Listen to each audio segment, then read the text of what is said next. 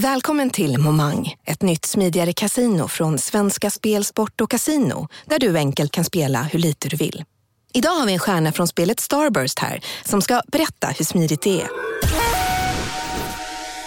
Jaha, så smidigt alltså. Momang, för dig över 18 år. Stödlinjen.se. Nej. Dåliga vibrationer är att gå utan byxor till jobbet. Bra vibrationer är när du inser att mobilen är i bröstfickan. Få bra vibrationer med Vimla. Mobiloperatören med Sveriges nöjdaste kunder enligt SKI.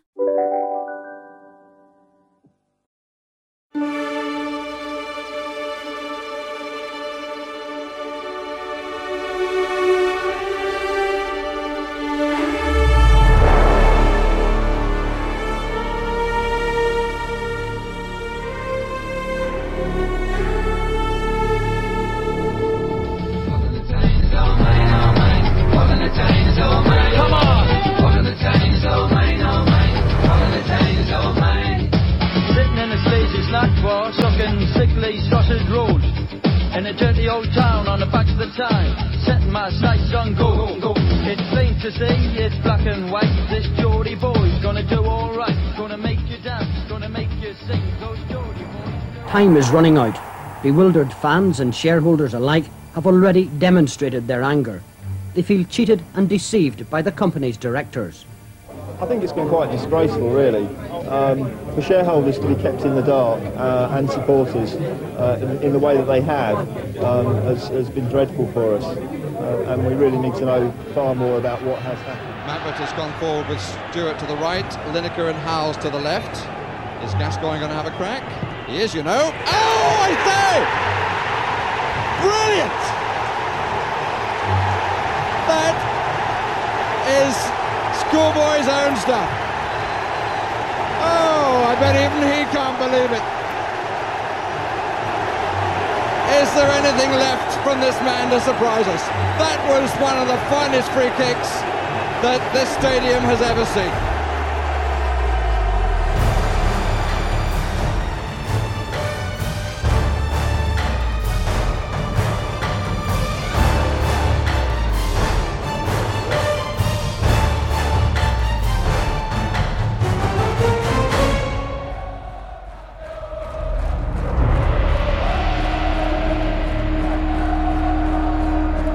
Eftersom detta är vårt hundrade avsnitt och att vi ska prata om ett eh, väldigt speciellt lag idag så har jag en liten överraskning till dig Erik. Alltså, det låter ödesbådande. Ja, så du har inte hört det här tidigare, men du får ta det vidare efter detta helt enkelt.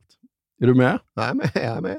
Jag brukar säga att människor som har valt storlag som Manchester United, Chelsea, Real Madrid som favoritlag lever mycket enklare liv. Hur tuff ens tillvaro än är så har man alltid ett lag att glädja sig över som vinner nästan hela tiden. Och sen har vi oss andra som också har en tuff tillvaro men som har valt ett lag som aldrig vinner.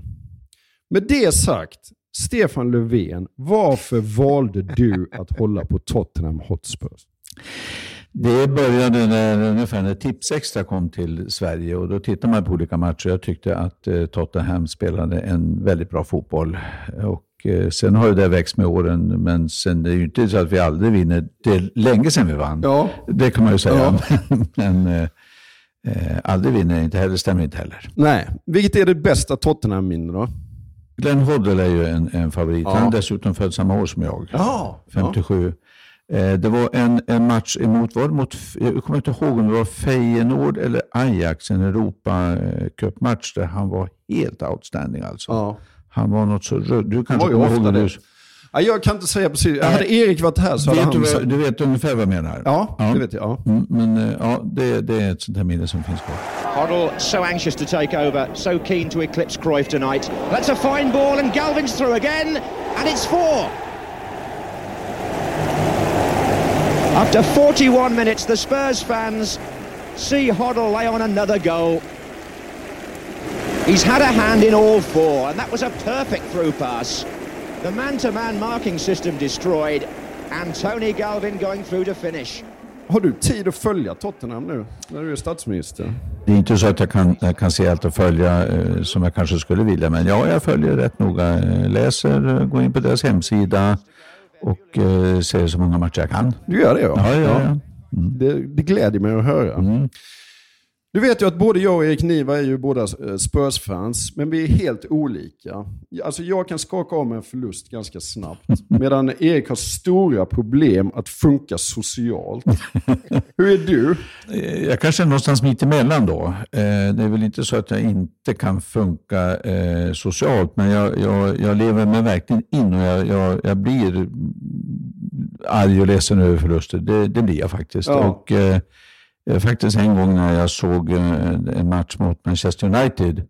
Ja. United gör mål på straff efter bara ett par, tre minuter. Det här var förra säsongen. Och eh, nej, och det kände jag hur mina axlar sjönk ihop. Men sen så gör, sen kvitterar vi efter 7, 8, 9 minuter. Ja. Sen vinner vi med 5-6-1. Ja. Då när, jag, när, vi, när vi kvitterar, då Ja. ställer jag mig upp och skriker bara rakt ut. Och så, det får till följd att eh, en livvakt kommer springande.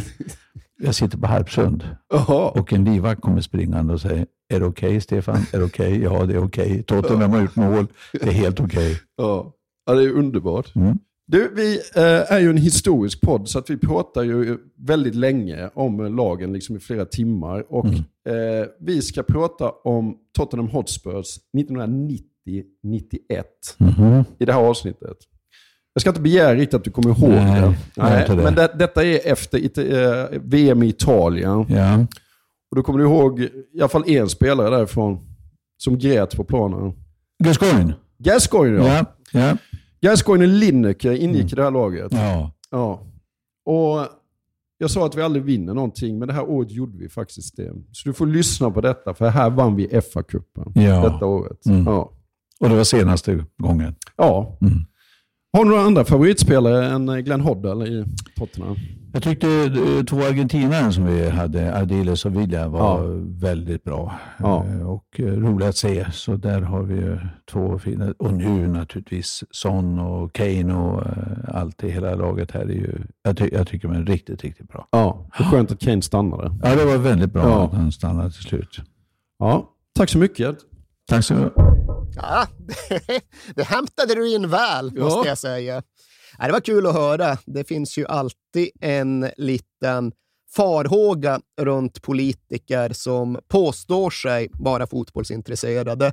Men jag är ju sedan tidigare medveten om att Stefan Löfvens engagemang både för Giffarna Sundsvall och för Spurs är genuint utifrån de premisser han någonstans själv beskriver. Jag begär liksom inte att han ska dyka upp på puben inför Wolves borta, men det är ju klädsamt att han faktiskt följer med och påverkas av resultaten när han nu säger sig bry sig. Han meddelade också faktiskt att när han har avgått som statsminister, då ska jag gå ner till fanklubben och se en match med dem och ta en öl. Ja, det och ser han jag fram såg ju fram emot detta. Ja. Ja, Jag är medveten om att han är betalande medlem i Spurs svenska supporterförening sedan väldigt många år. Just det där med att ja, det är inte så att han jag tror själv faktiskt jag är någon typ av hedersmedlem, så jag Jaha. behöver inte betala. Men Nej. Löfven pröjsar Ja. punktligt varje år. Det var något år då betalningen inte hade kommit.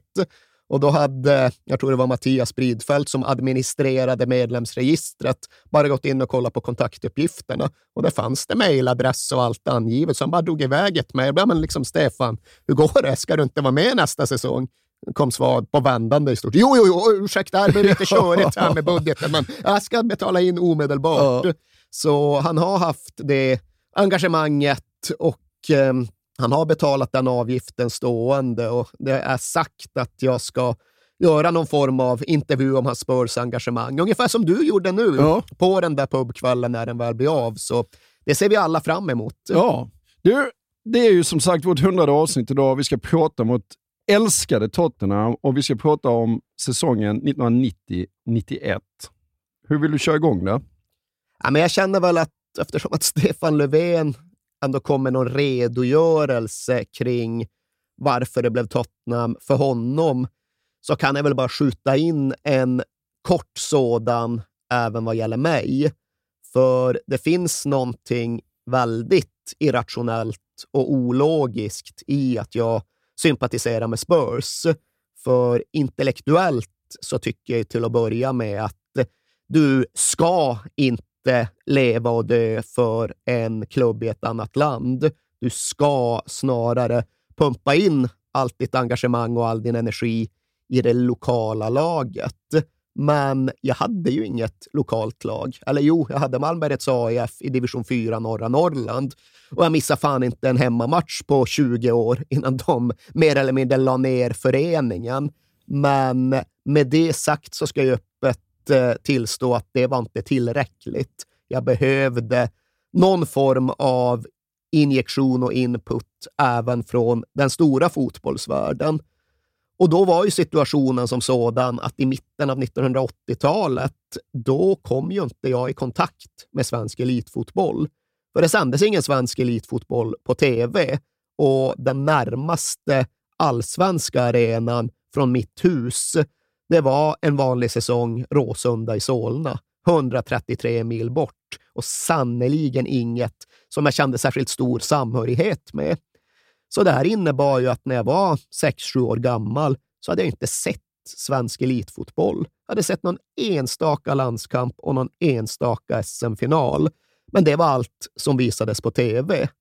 Däremot så vet ju alla ur min generation och ur fyra andra generationer att varje lördag under vinterhalvåret, under ett vinterhalvår som blev rätt utdraget i Malmberget, så tuggade Tips Extra på vecka efter vecka efter vecka. Så när jag var 6-7 år, då hade jag kanske sett Malmö FF spela en fotbollsmatch. Jag hade kanske sett AIK spela en fotbollsmatch. Jag hade sett Man United och Nottingham Forest spela 30 var. Ja. Så därför fanns det någon form av logik i att det var en engelsk klubb som svepte iväg mig. Men sen ska jag ju ärligt också säga att resten var slumpen. Det hade kunnat bli Everton eller West Ham eller Wolves eller West Brom eller något av alla de där Midlandslagen som de visade oproportionerligt ofta på Tips Extra. Men det blev inte det. Det blev Spurs och i grund och botten så var det en slump. Jag har en minnesbild på hur vår belgiska joker Nico Kläsen skär in från kanten och chippar in ett inte avgörande utan utdrygande mål i någon segermatch i det som bör ha varit hösten 85. Och när jag fyllde 40 så fick jag faktiskt Simon Bank fram en hälsning från Nico Kläsen. Ja, tack för att du förstörde mitt liv. Lite åt det hållet. Oh. Men jag vet i alla fall att morgonen efter så vaknade jag upp som Spurs-supporter och sen när jag vaknade upp på samma sätt 10 000 månader därefter och det var en slump, men det går att klä den i någon typ av intellektuell skrud. För det fanns något lite annorlunda, lite magnetiskt över Spurs på den här tiden. För vi är som sagt i mitten av 1980-talet och vi tittar på Tips Extra och de allra flesta lördagar var det ju ett rödklätt United mot ett blåklätt City eller Rovers som kickade väldigt långt och kämpade väldigt hårt och forcerade fram ett 0-0-resultat. Men Tottenham Hotspur särskilde sig. Särskilde sig genom att vi just hette Hotspur snarare än City eller United. Särskilde sig genom att vi hade vita tröjor snarare än röda eller blå. Särskilde kanske framför allt eftersom att vi byggde vårt lag på långhåriga dribblers som hette Hoddle och Waddle snarare än på kortsnaggade terriers som bara krigade på mitten. Och därtill var vi väl lagom bra för att fånga en sexåring. Vi var inte bäst och det fattar ju till och med en sexåring att du hoppar inte på den allra snabbaste bandvagnen det första du gör. Men vi var inte heller hopplösa. Vi var inte Stoke eller Port Vale eller något sånt lag som var dömt till skuggorna för all framtid, utan vi hade ungefär samma position som vi har nu. Någon form av utmanarstämpel med en del väldigt profilstarka individer och den magnetismen, den karisman var nog det som fångade mig. Men återigen, jag var sex år gammal, saker hände och sen var det kört. Jag har liksom försökt ompröva och utvärdera relationen till Tottenham så oerhört många gånger sedan dess. Och jag har försökt välja en svensk klubb för att just kunna bli engagerad i det lokala. Men för mig har det inte funkat med det rationella. Jag har inte kunnat välja min fotbollsklubb, utan den snubblade över mig och sen har jag aldrig kunnat bli av med den. Och det handlar inte om medvetna, logiska, genomtänkta val, utan det handlar om det helt irrationella, det helt emotionellt känslodrivna. Och jag tror väl att det är därför som det fortfarande är så starkt nu snart 40 år senare.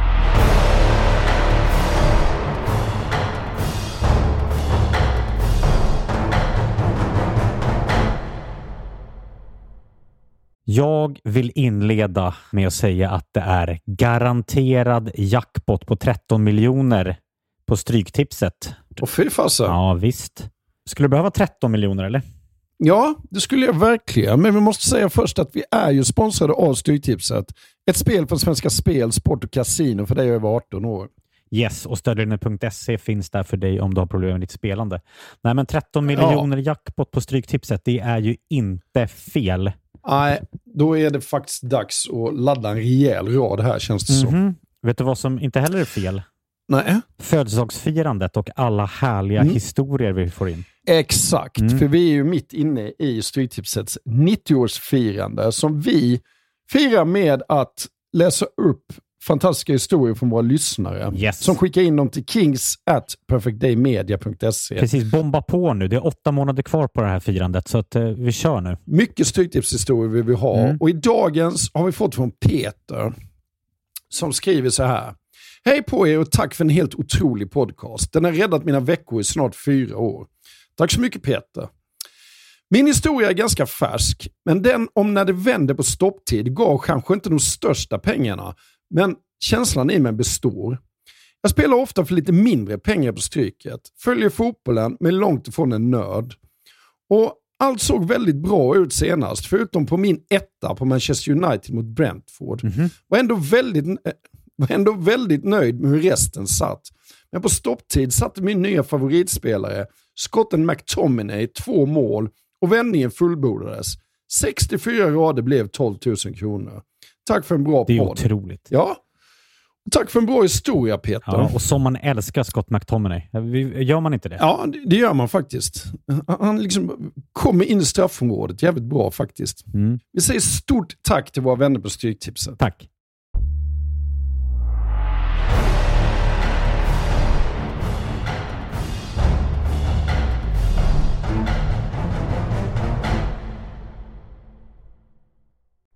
Men låt oss köra igång säsongen, Erik. Vi möter Man City hemma. Ja, och Man City, apropå klubbidentitet och klubbfunktion, var inte Man City av idag, men det var en, ja, en mittenklubb i högsta ligan kan man väl säga. Så det var väl en lagom utmaning att eh, sätta tänderna i efter då VM-febern och gassamanin som utbrutit den här sommaren. Den märktes på ett jättetydligt sätt runt hela den här säsongspremiären. För vi hade sålt 20 procent fler säsongsbiljetter än året före. Och den här premiären den var utsåld en månad i förväg. Och grejen var att engelska ligamatcher var inte utsålda i förväg särskilt ofta alls här, utan det var ju fortfarande ståplatstiden. Man gick på dagen och pröjsa åtta pund i vändkorset in. Förköp, äh, sånt sysslade man knappt med ifall det inte var något riktigt speciellt som var på gång. Och det var det den här dagen. Det var den stora hype-matchen i ligan. Det var den som skickades ut i världen, sändes i fler än 60 länder. Och jag höll på att säga för en gångs skull, det vore orättvist, men i linje med idén om att vi faktiskt ska kunna skruva på när vår dag är kommen, så svarade Gassa och Gary Linekers Tottenham upp den här dagen. Det tog inte ens två minuter innan Gary Lineker hade givit Tottenham ledningen.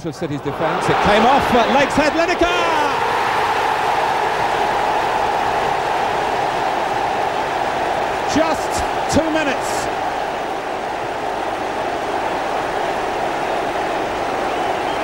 And it's as though he's never been away. The leading scorer in the First Division last season.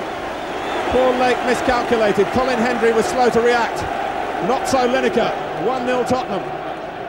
Och säsongen rullar på rätt fint för Tottenham och för Gassa ju. Ja, även om det redan så här tidigt, redan under dess allra första veckor, absolut finns tvivel och farhågor. För Spurs är en helt okej okay 0-0 poäng borta mot Sunderland i den andra matchen. Okej okay utifrån eh, bakgrunden att det är just den typen av matcher vi alltid annars förlorar när vi har haft a high på lördagen dessförinnan. Men 0-0 borta mot Sunderland, därefter även 0-0 borta mot Arsenal. Och det är klart att det var en tidig vägvisare. För säsongen före, då hade Spurs slutat trea och Arsenal hade slutat fyra. Båda hade ju ambitionerna att därefter sparka ifrån och ta det där sista steget till en riktig titelstrid eller en riktigt bra resa i FA-cupen. Och det här var ju inte det mest minnesvärda derbyt som spelats på något sätt. Det var inget särskilt, vare sig med matchen eller med inramningen runt. Det här är ju precis i brytningstiden mellan de gamla engelska ståplatsdrivna arenorna och vad som skulle komma därefter. Och det märktes på detta derby direkt för att borta sektionen den var reducerad till hälften. Tidigare hade alltid Tottenham fått hela den södra läktaren på Highbury, hela gamla Clock End. Men nu var det plötsligt bara halva som tilldelades Spurs. Vi gick från 11 000 biljetter till 5 500 biljetter. Men tittar man på matchvideon så går det ju ändå att hitta ett nöje i att höra arenaspikern meddela med allvarlig röst.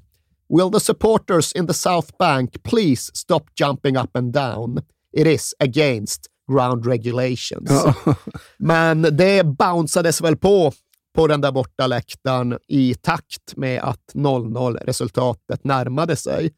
Bra poäng såklart. Bättre poäng för bortalaget än för hemmalaget. Och även om Arsenal hade mycket boll så hade de faktiskt inte ett enda skott på mål förrän i den 87 minuten. Och efteråt står managern Terry Venables och säger med fog, ungefär som han sa efter Sunderland-matchen, ah, vi tar ändå den här poängen för det här är den sortens match vi hade förlorat med 1-0 förr i tiden.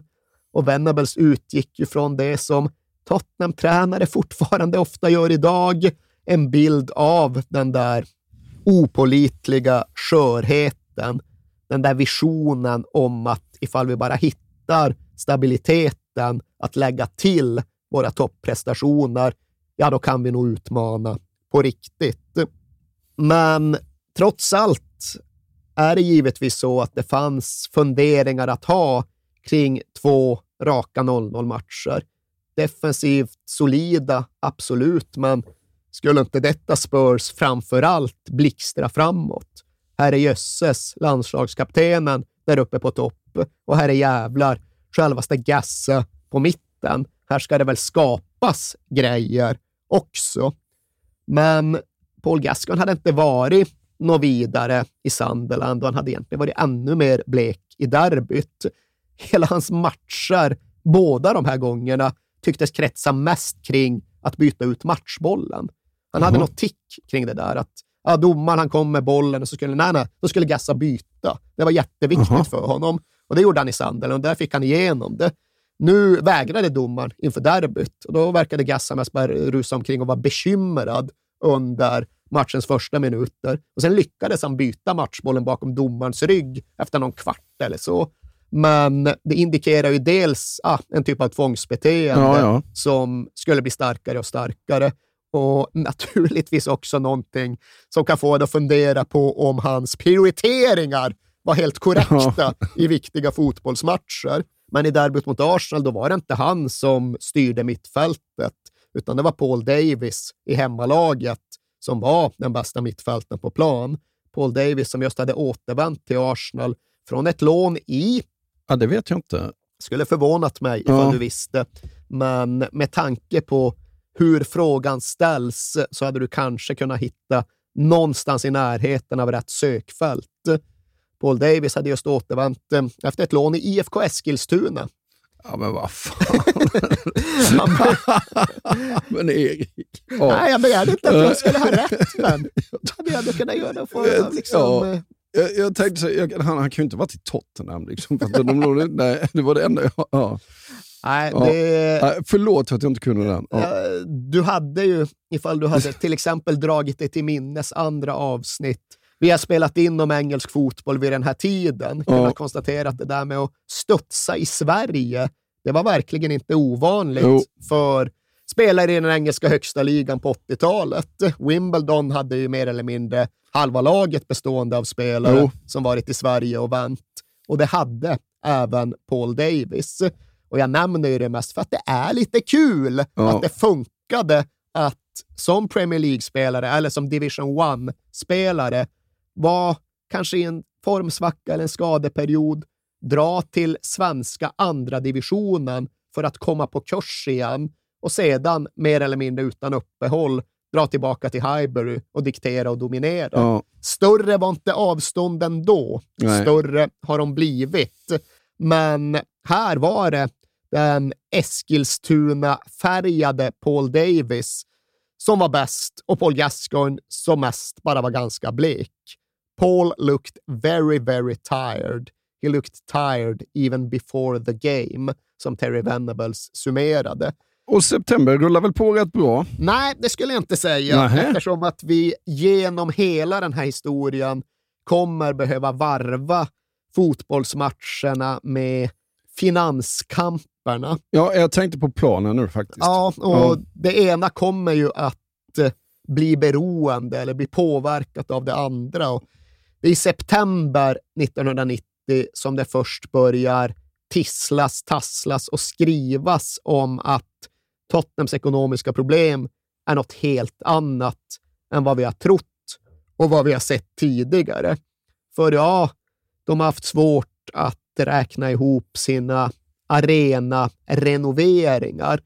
Det har övertrasserats budgetar när det ska byggas nya läktare och det har inneburit att de har tvingats sälja spel. Ja, men sånt har vi sett förut. Det blåser förbi och sen löser det sig. Men här framkommer det då att det där med läktarna, det är ett väldigt litet och marginellt problem i jämförelse med att hela företaget, hela paraplyorganisationen läcker in mer eller mindre överallt. Det var sagt att hela den här diversifieringen skulle ge fotbollsklubben en bred ström av intäkter. Men nej, pengarna går i rakt motsatt håll.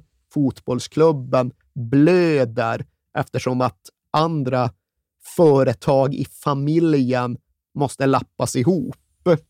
Vilket fog en Irving Scholar hade haft för att se sig själv som någon form av business whiskid så verkade han ha gjort felbedömningar i precis vartenda jävla fall. För han hade ju köpt, det är ju ett, minst ett dussintal olika märkliga företag. Martex och Stamps som gjorde kvinnomode för dyra pengar. Mm. De där kostade fem miljoner pund, vilket alltså var mer än en Chris Waddle för att prata fotbollsspråk. Och därtill så hade de inte gått med vinst, utan de hade ju bara gått med större och större förluster. Tottenham ägde i praktiken sportmodemärket Hummel vid den här tiden. Ja. Kvalitetsfirman Hummel, vill vi ändå säga. Ja, Alltså det är de snyggaste dräkterna de någonsin har haft med den här Holsten-reklamen Ja, ja. och hummel på Ja, axlarna. det var det då. Ja. och Hummel är ju fortfarande starka nu. Så Ja, fort ja. det kommer en fotbollströja som Hummel har gjort så har jag höga förhoppningar. Och de blir alltid infriade. Ja. Men här var det vanskött som satan. Och det fanns avtal då med rätt många av de mellanstora engelska klubbarna att det är klart att ni ska ha Hummel bakvänt från början, för det skulle innebära då att de andra klubbarna finansierade Spurs. Ja. Men nu blev det istället tvärtom. Nu blev det Spurs som fick lov att trolla fram pengar för att pröjsa skadestånd till Southampton och Coventry City och Sunderland och Aston Villa, för de fick inga tröjor. Nej. Okej, det var inte merchförsäljning som idag, men det fanns ändå förhoppningar på att kunna kränga lite replikor. Och det Tottenham-drivna Hummel fick inte fram några tröjor. Och vad fan, vi hade ju avtal här liksom. Måste ni ju förstå att att till att börja med får ni fixa tröjor, därefter får ni kompensera vårt avtal och ytterligare därefter vill vi ha skadestånd för förlorade intäkter. Så där drog det iväg asmycket pengar. Och Irving Scholar och klubbledningen hade verkligen försökt sminka över det här och dölja sprickorna och hoppas att de skulle kunna få en vändning över tid. Men det kom då ingen vändning, utan det bara sjönk djupare och djupare och till sist gick det inte att trolla mer. Även här så lite i smyg så kröp det fram att Tottenham nu hade sålt sin träningsanläggning för 4,5 miljoner pund. Och det vet ju ja, alla som till exempel sympatiserar med IFK Göteborg att det är inte så kul att sälja Kamratgården, Nej. men det hade gjorts. Och det där med Hummel, ja, hur fan ska vi lösa det? Då fixar de även där någon form av trolleritrick där Umbro gick in och skrev ett stort jävla tröjavtal med Tottenham och som skulle gälla under lång tid och då ge omedelbara intäkter. Ja, för de ändrar ju dräkter mitt under säsongen. Ja, i slutet av säsongen, För absolut. det, det, det, jag bara kollar, liksom, vad fan nu spelar de i Umbro? Det var är mina snygga hummeltröjor. De Umbro-tröjorna är ju för sig också bra. Ja, fast de är inte lika snygga som Hummel. Ja, fair enough. Ja. Men det är ändå så stora intäkter. De får 4,5 miljoner pund här, de får 5 miljoner pund där och allt bara försvinner. Och sen finns det till slut, okej, men nu har vi sålt träningsanläggningen, nu har vi sålt ut dräkterna, nu har vi gjort av med alla våra biljettintäkter, nu har vi sålt Chris Waddle och det är ändå bara större och större ekonomisk kris. Och innan den här säsongen ens hade hunnit börja så började ju FC Barcelona höra av sig att hörni, vi tänkte ta tillbaka Gary Lineker. Eh, ja, jo, ja, alltså vi har inte fått våra pengar för honom. Nej. Och så antingen pröjsar ni väl pengarna eller så tar vi hem Gary Lineker. För så ser avtalet ut. Och då tvingades ju en desperat Irving Scholar att gå i säng med djävulen. Och det är väl det som är anledningen till att det nu kommer ut i pressen, att Tottenham är ruinerat och Tottenham har behövt söka hjälp från Robert Maxwell för ja. att kunna betala den sista avbetalningen på Lineker i Barcelona. Där måste vi ändå säga att det är verkligen djävulen vad gäller detta. Ja, Mm. vill du prata Robert Maxwell? Vi Nej, kan men det- tyvärr inte unna oss att göra 20 minuter Maxwell. Han hade ju förtjänat ett avsnitt, men en ganska perifer figur här. Men det var ju en karaktär. Ja, det var han verkligen. Han var ju en sån här media-tycoon. Men han ägde ju The Mirror. ägde han. Och hade upplagekrig med Rupert Murdoch. Ja, och, men hans stora liksom efter och levde då ett eh, riktigt playboy-liv. Men den stora grejen är ju att han gjorde ju av med alla pensionspengar för alla som jobbar på The Mirror. De, de bara liksom, ja, de snodde han och gjorde av med. Och idag är han väl mest känd för det, att eh, hans dotter Ghislaine Maxwell var ju någon slags pimp åt eh, Harvey Epstein. Jeffrey. Jeffrey Epstein i, i USA. Är det det Robert Maxwell är mest känd för? Det kanske är så. Jag hänger inte med i socialiten Nej. längre, men ja, han hade i en annan podd med en annan inriktning hade han verkligen förtjänat några avsnitt för Ja, han går att jämföra med Rupert Murdoch, men han hade ju uppriktigt sagt en ganska mycket mer spänstig livsbana än vad Rupert Murdoch någonsin hade. Bara det här med att han liksom, i grunden så, jag vet inte vad han föddes i för namn, men han föddes väl som ortodox jude i det, den del av dåvarande Tjeckoslovakien, Tjeckoslovakien som idag är. Ukraina. Ja. Jag tror att det ändå är ukrainsk mark han Ja. kommer ifrån. Men sen blev han någon märklig krigshjälte i någon tjeckoslovakisk partisanarmé och därefter så engagerade han väl sig i den militära israeliska saken med rätt stor kraft. Ja. Påstås ju att han under en senare del av sitt liv parallellt spionerade för både MI6, KGB och Mossad. Mm. Och då har man fan att göra, det, får man, det får man säga.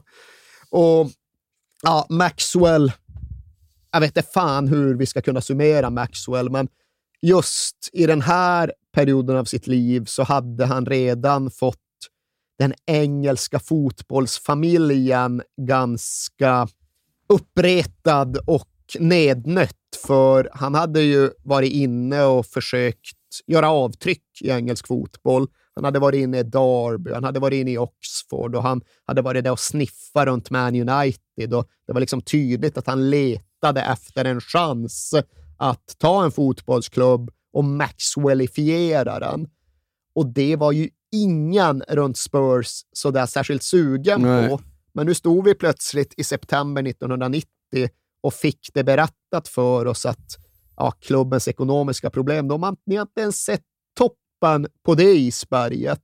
Och redan nu har Scholar gått i säng med Robert Maxwell och det verkar bli aktivitet under det där täcket. Så spänn fast er, det här kan ta vägen vart fan som helst. Vi ska säga om Robert Maxwell också att hans död är ett mysterium. Alltså bara hittades flytande Ja, nedanför från hans båt. yacht. Ja. eh, Och puttades han i, eller hoppade han i självmant? Det vet man inte riktigt än. Did he jump or was he pushed? Ja. Det är aldrig klarlagt. Alltså. Nej, jag tänkte det det, var väl säkert något hjärt, för han levde väl inte det mest liksom, hälsosamma Verkligen livet. inte, men med tanke på vad du berättar om alla de här... Mossad och Mossad, ja, så är det väldigt tveksamt hur han dog. Någon gång där får Ja. tid ska jag sätta mig in i alla de konspirationsteorier som säkerligen finns runt Robert Maxwells Ja. död. Han begravdes väl i Jerusalem, tror jag. Ja, det är mycket möjligt. Men och då kan mina, man tro att ja, då friskriver sig Mossad. Det gör de ju Ja. Då kan Adda ha kört. men i mina ögon så är det bara att han stal hela redaktionens pensionspengar. Som är, ja. Ja, det är kanske inte den klubbägare du mest av allt önskar dig på White Hart Lane. Nej. Därom var vi alla överens. Men du nämnde ändå att september och säsongen rullade på rätt fint på planen. Ja. Och det gjorde den. Kastade väl i och för sig bort två poäng hemma mot Crystal Palace, men det var ett starkt jävla Palace på den här tiden. Hade det varit idag så hade vi pratat om ett Champions League-jagande Palace. Och det var det väl någorlunda okej att Gassas kvickt tagna frispark bara räckte till en poäng för ja, Paul Gascoigne var inte nöjd. Han följde upp det målet med att göra fyra i ligacupen mot Hartlepool. Ja. The Gassa Show var verkligen uppe på vägen och laget svarade upp, följde upp med att besegra ett rätt starkt Aston Villa, också hemma. En match vi kanske framför allt minns för att David Howells svalde tungan under matchen. Läskigt och jävligt. Men som ändå medförde att ja, vi var med uppe i ligatoppen. Hade inte förlorat en match, vann mest hela tiden och hade Gassa igång på alla cylindrar. Det här borde ju kunna bli rätt jäkla bra om nu bara allt det där andra kunde lugna ner sig och lösa sig.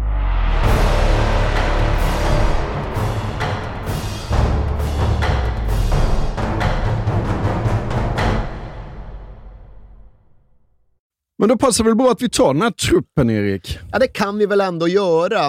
Och här får jag ju lov att inse att det som för mig är stora namn och Ja. legendarer i allmänhetens öron kanske låter som ganska anonyma snubbar. Men vi gör en snabb genomblåsning och då kan vi ju ändå börja med att tycka att det är lite kul att vi har nordbon Erik Torstvedt i mål. Visserligen från Stavanger i Norge, men ändå köpt från Blåvitt, från Ja. IFK Göteborg, på den tiden de styrde Europa och Spurs fortfarande hade lite pengar. Ja. Kostade ändå 6 miljoner spänn eller någonting. Och jag höll på att säga, det är de summor som allsvenska målvakter säljs för än idag. Torstvedt hade också den där grejen att han hade ju faktiskt varit i stort sett klar för Arsenal tidigare. Men även det är en sån här 80-talsgrej, att det var svårt med arbetstillstånd för Just det. utländska spelare. Kommer nu komma tillbaka i samband med Brexit, Ja. men det stoppade Nanne Bergstrand från Manchester City, som vi nämnde någon gång när vi pratade om Kalmar FF. Just det. Och det stoppade lyckligtvis även Erik Torstvedt från Arsenal. Istället blev det Spurs och en superblunder i debuten mot Nottingham Forest. Men sen hämtade han sig och blev en både pålitlig och populär målvakt som någonstans också förstärkte sin egen popularitet genom att alltid kasta sina handskar till publiken ifall vi hade vunnit på White Hart Lane. Ja. Ja, backlinjen. Där har vi kanske inte så där jättemånga namn som får de historiska klockorna att stå stilla.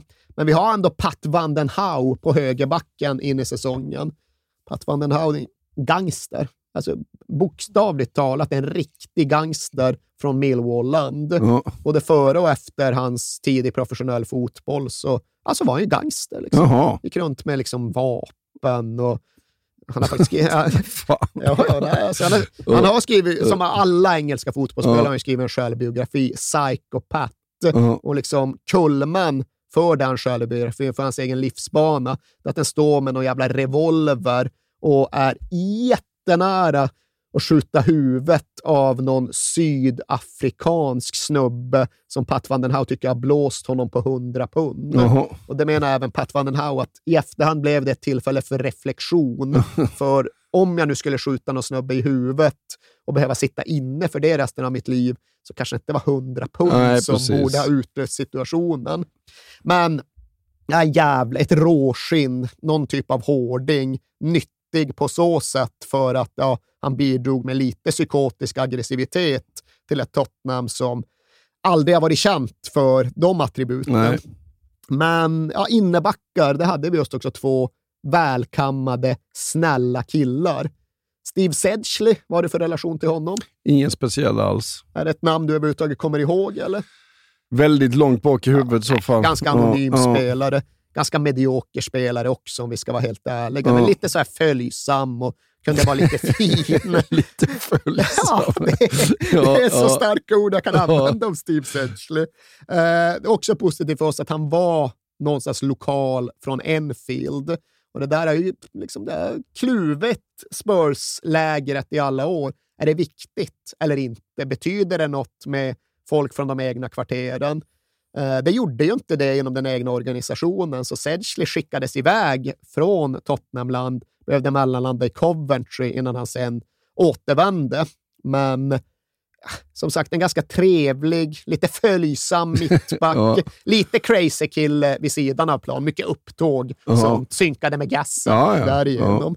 Eh, Men bredvid honom då Gary Mabbott som Ja. också verkligen var Mr Nice Guy. Liksom en superpersonlighet på alla sätt och vis. Han gillade jag väldigt mycket. Men ingen Pat van den Hau. Nej. Också ganska kortvuxen sådär. Så problemet med de här backarna var ju att det kändes lätt att sätta press på Spurs. Mm. Det var bara att börja lyfta in bollar mot någon Niall Quinn eller någon Alan Smith eller någon Kevin Campbell så hade vi det jobbigt att få bort den. Ja.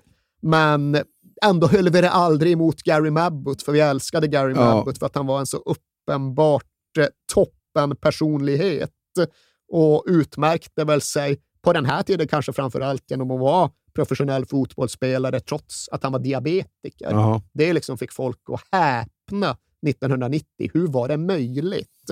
Den bioniska mannen kallades han för av Bobby Robson. Jag vet inte riktigt ifall en diabetesspruta eller 12 ger en anspråk på att vara bionisk. Vad det nu är. Ja, Ja. det är väl någon form av robot. Ja, liksom, en laboratoriemanipulerad person. Ja, han spelade i alla fall över 600 matcher för Spurs. är fortfarande involverad och engagerad i klubben. Ja. Liksom ägnade pandemin åt att ringa. Jag tror han fick, liksom, det uppmärksammades här om sistens när han ringde sitt sånt där 3000 samtal bara för att kolla av läget med någon isolerad, skröplig 80-årig Spurs-anhängare. Det har han suttit med hela pandemin. Ja, när man kollar på gamla klipp, man ser ju att detta är en väldigt fin man. Ja. Ja. Jo, men också liksom, han kunde föra sig, Ja. gentleman, aristokratig trots sin Bristol-bakgrund Ja. och på så sätt Spurs Ja. rätt igenom. Vänsterback, ja, vad hade vi för alternativ på vänsterback? Var det något du var bekväm med? Var, var det Edinburgh eller? Det kom ju att bli Justin Ja. Edinburgh. Det var från början Gudny Bergson. Ja. Alltså den jag ska inte säga anonyma islänningen, för han blev ju kvar i Premier League i all evighet. Jag tror att vi nämnde honom i avsnittet om Sam Allardyces Bolton. Just det. Och då är vi framme så 2003 eller någonting. Men här är det just en anonym islänning som ändå var pålitlig och liksom alltid gjorde ett gediget jobb, men som inte riktigt kunde prenumerera på platsen som vänsterback. Vi hade även Mitchell Thomas som kunde spela där, även om han kunde användas till höger också. Ett tag tog vi tillbaka Terry Fennick som kunde gå både ytterback och innerback. Och så hade vi ju då Justin Edinburgh som trots allt tog platsen en bit in på säsongen och sen behöll den. Och Justin Edinburgh har en väldigt speciell plats i det kollektiva Tottenham-hjärtat för han blev till att börja med kvar i klubben längst av alla de här snubbarna som jag räknar upp nu. Han var ju kvar in på det nya millenniet och behöll sedan band och relation till klubben även när han påbörjade en väldigt framgångsrik karriär som manager på annat håll. Han hade den här typen av karaktär och personlighet som kunde entusiasmera och inspirera en hel omgivning och det innebar att han kom som manager till Newport County och Leighton Orient och lyfte hela de klubbarna i kraft av sin karaktär. Och tyvärr, tyvärr, tyvärr så pratar jag ju, så använder jag imperfekt när jag pratar, för Justin Edinburgh finns inte med oss längre. Som sagt, förblev synlig i Tottenham-kretsar genom hela sitt liv. Vi spelade ju som bekant en Champions League-final i Madrid 2019 och på matchdagen så såg jag Justin Edinburgh i Madrid. Han hade åkt ner med klubben, stod där fit as a fiddle, hade the time of his life, sjöng Spurs-sånger och var verkligen inne i tillfället. Och två dagar senare fick han någon typ av hjärtstopp. Och sen gick han bort ytterligare några dagar därefter. 49 år gammal. Ja, fy fas. Så det är ju satans så sorgligt, ja. men en, ja, en person som Tottenham aldrig kommer att glömma. Nej. Over the summer we were saddened to hear of the passing of our former defender Justin Edinburgh. Justin made 276 appearances for Arsenal competitions between 1990 and 91, the League Cup in 1999, and sadly missed. We're now joined on the pitch by members of Justin's family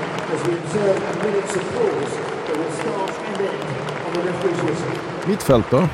Ja, där hade vi, där hade vi stora namn, ska Ja. jag be att få säga. Vi hade ju Paul Allen till höger. Vad, vad har du på Paul Allen? Nej, inte så, så otroligt mycket. Han var också en ganska rivig ytter, kunde spela lite fysiskt när det krävdes och det behövde laget. Men Paul Allen är mest känd för att han kan sorteras in i en, ett av den brittiska fotbollens mest bördiga släktträd. Jag tror de var sju i släkten som spelade professionellt. Och det är då alltifrån ja, men kusin Clive. Allen, som gjorde dessa 49 Ja. mål för oss. Och Clive Allens farsa, alltså Paul Allens farbror, som hette Les Allen, som var med och vann The Double för Spurs 1961. Jaha. Och då vill man ju tro att hela den här släkten, de är ju så mycket Spurs och det, de blöder ju liljevitt. Ja. Men jag tror de är West Ham egentligen Ja. faktiskt. Det bara föll sig som så i London-fotbollen att de flesta hamnade hos oss och gjorde största avtryck Ja. hos oss. Men innanför Paul Allen, ja, då Gassa. Och här behöver vi faktiskt inte presentera Gassa. Nej. Vi kan istället säga några extra ord om David Howells, som hade det så kul där på City Ground när han både gjorde och räddade mål. Och där har vi ju faktiskt ja, en av våra egna produkter. Egentligen den enda i den här första elvan. Kom inte från norra London, kom någonstans från Surrey eller så, men flyttade tidigt upp och ja, men kom upp genom de egna ungdomsleden. Och även här en person som alltid har blivit kvar i Spurs. Jag minns när vi till sist, efter nästan 25 jävla år, slutade före Arsenal i en Premier League-tabell. Det bekräftades i samband med derbyt våren 2017. Och när den segern skulle firas på puben efteråt, på The Bricklayers, som alla Spurs känner till, ja, nog fan var David Howells där och blev kvar långt in på småtimmarna och sjöng sig igenom Tottenham-repertoaren med alla andra. Och han var liksom inte där som någon form av officiell klubbambassadör eller på någon PR-visit. Han var där för att han ville dricka bärs och skråla om Spurs när vi hade slutat före Arsenal. 30 år efter hans egen spelarkarriär. Det var uppskattat förstår jag. Det kan jag försäkra dig att det var. Det kan nog finnas några filmsnuttar på det i telefonen. Ja. Se om jag kan hitta det. Ja, det får du göra. Ja.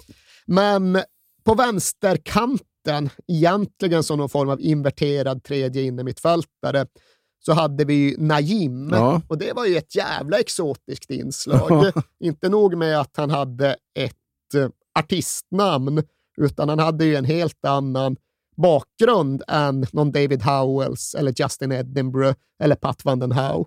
För Najim, ja, han kom ju från Barcelona. Han kom från La Masia och han kom ju enbart till oss för att Terry Venables hade sett honom i Barcelonas organisation och visste att det fanns en möjlighet att plocka med honom när Gary Lineker-affären gjordes upp. Men även på La Masia så hade Najim varit lite av en udda fågel. För Najim heter ju då inte Najim, utan han heter Mohammed Ali Amar. Och han kommer då från Ceuta, som är en av de här märkliga spanska enklaverna på det afrikanska fastlandet. Alltså en del av Spanien insprängt i Marocko. Ja. Och där bodde lilla Najim. Där kunde han utgå ifrån och få en väg till det spanska fastlandet och till Barcelonas akademi, trots att det redan där var en väldigt ovanlig väg att ta för en ung marockan. Men det tog honom till Barcelona och det tog honom i förlängningen till Tottenham och det innebar att han var ja, den enda muslimen i ligan när Premier League först introducerades. Och ja, som så vitt jag vet rätt trogen muslim så är det klart att Najim kom till England och funderade över vad fan folk höll på med, den här liksom pubkulturen. Ja, vad, ja. vad är det som pågår? Gassa. Ja, det var ju det. Alltså, Det var ju det. Gassa var ju där samtidigt som Najim och såg ju det där som någon typ av utmaning. Tog med Najim någonstans där han inte borde vara och liksom förklarade för honom att nu ska du dricka Long Island Ice Tea. Ja, du har ju te, du dricker väl te Najim? Det är liksom bara en speciell sorts te. Ja. Jaha, tycker Najim. Och lyckas få i sig fem stycken snabba, trots att han liksom tycker att det smakar konstigt. Ja, men det är bara engelska. Du måste ju ta seden dit du kommer, Najim. Ja. Vill du inte dricka engelsk te? Ice tea, drick, drick. Och så är han ju dyngfull Ja. innan det har gått 45 minuter och Gassa skrockar vidare och tycker att ja, det var ju a good laugh. Ja, stackars Najim. Ja, nej, det kan inte vara helt lätt Nej. att göra den kulturella omställningen. Enklare kanske att göra den i omvänd riktning. För bland mittfältsalternativen ska vi absolut nämna Vinnie Samways. Eh, Långt innan sidledsdanne fick sitt namn så fick ju han heta Vinnie Sideways för att han ansågs bara spela så här riskfria bollar i sidled och bakåt. Men det blev ju sen väldigt uppskattat när han flyttade till Spanien och det gjorde ju inga engelska fotbollsspelare på 1990-talet. Men Vinnie Samways, Vinnie Sideways, han drog först till Las Palmas och sen till Sevilla och blev helt hänförd av faktumet att folk gillade honom. Jag bara så, de sätter värde på att jag håller bollen inom laget. Ja. Liksom. Vilken jävla grej. Ja. Så där fick han det erkännande han aldrig riktigt fick i Spurs, så får vi väl lov att säga. Ja. Och så har vi anfallet. Ja, och Gary Lineker då såklart. Oftast flankerad av en snubbe som heter Paul Stewart. Och han kom med lite förhoppningar på sig. Eh, kom som ett ganska spännande och hyfsat oskrivet kort i och med att vi köpte honom för 1,7 miljoner pund, 20 miljoner kronor på den tiden vi fortfarande är pengar, från ett Man City som då låg i andra ligan. Oh, den dyraste värvningen från andra Högsta ligan. va? övergångssumma Ja. någonsin för en spelare i andra ligan. Men det blev väl sådär för Paul Stewart i Spurs. Han hade gjort en del mål, men inte alls så många som vi hade hoppats. Var inte särskilt omtyckt, sågs inte som en Tottenham-spelare. Han liksom så här, ganska oöm, ganska slitstark, bra på huvudet, men hade ingen touch, ingen flair. Hade inte lyckats vinna White Hart Lane-publikens hjärtan ännu, även om han hade sin plats i startelvan, för alternativet var Paul Walsh. Långhåriga Paul Walsh. Det räcker för de flesta från vår generation för att få en bild ja. av honom. Men eh, hans största claim to fame var väl att det egentligen var honom som Bernard Tapie ville värva när han åkte för att titta på Spurs, men istället fastnade för Chris Waddle. Paul Borsch, jag vet fan vad man ska säga, han var snabb, ett yrväder, ganska målfarlig, men med svagt proffspsyke. Bar inte rollen som första inhoppare särskilt väl, utan var ganska odisciplinerad och har själv berättat om hur han var liksom ringledare för en del av dryckeskulturen inom Tottenham. Mm. Och då bara, men vänta, vad du är gassar? Och, ja. ja. ja, men han hade sin ring. Jag hade en annan ring. Liksom. Jaha, vilka ingick i din? Ja, men det var Terry Fennick och David Howells. Mm. Ja, men... Och synd att Tapi inte tog honom istället för Robben. Ja, nej. Han, hade, han hade kunnat betala 4,5 miljoner ja. för honom. Men ja, där var väl truppen. Hur skulle du själv säga att den känns när du utvärderar den? Ja, jag skulle vilja säga att den känns som en 3 plus-trupp. Ja. Ganska så äh, bräcklig skulle jag också vilja säga. Ja, och ganska låg på briljans och kvalitet bortanför Gassalin. Ja, det vilar ju väldigt mycket på dem. Alltså. Det gör ja. ofrånkomligen ja. det. Och det vilar väl uppriktigt sagt också ganska mycket på den manager som absolut också ingår i helhetsbilden. Och där kan väl bara passa på att dra Terry Venables också lite snabbt och lustigt. Jag vill bara säga för att vi nämnde ju honom i uh, under... EM alltså, 96. Ja, precis. Och då, då var han lite sån här wheelare och dealare. Och det känns som att han passar alldeles utmärkt in i Tottenham de, de här åren. Jo, liksom. ja. verkligen. Alltså sen, wheeler and dealer, det är ett uttryck som jag älskar att använda, men som jag nog tycker korrekt appliceras på, säg Harry Redknapp. Ja. Harry Redknapp är en wheeler and a dealer för Harry Redknapp, han kom ju nerifrån liksom marknadskvarteren i östra London, i den liksom mytologiserade East End. Och är man en wheeler and dealer, då är det ju väldigt mycket så. Man, jag har 15 äpplen. Ifall du får dem så vill jag ha åtta aprikoser och en hund. Ja, men du får inte hunden, du kan få en katt istället. Ja, okej, okay, då ska jag fundera. Alltså, det är liksom, det är småskojare som gör klipp på en rätt låg nivå. Uh. Och det tog någonstans Harry Redknapp alltid med sig in i elitfotbollen. Han var fortfarande en småtrixare även när han köpte spelare för 250 miljoner spänn.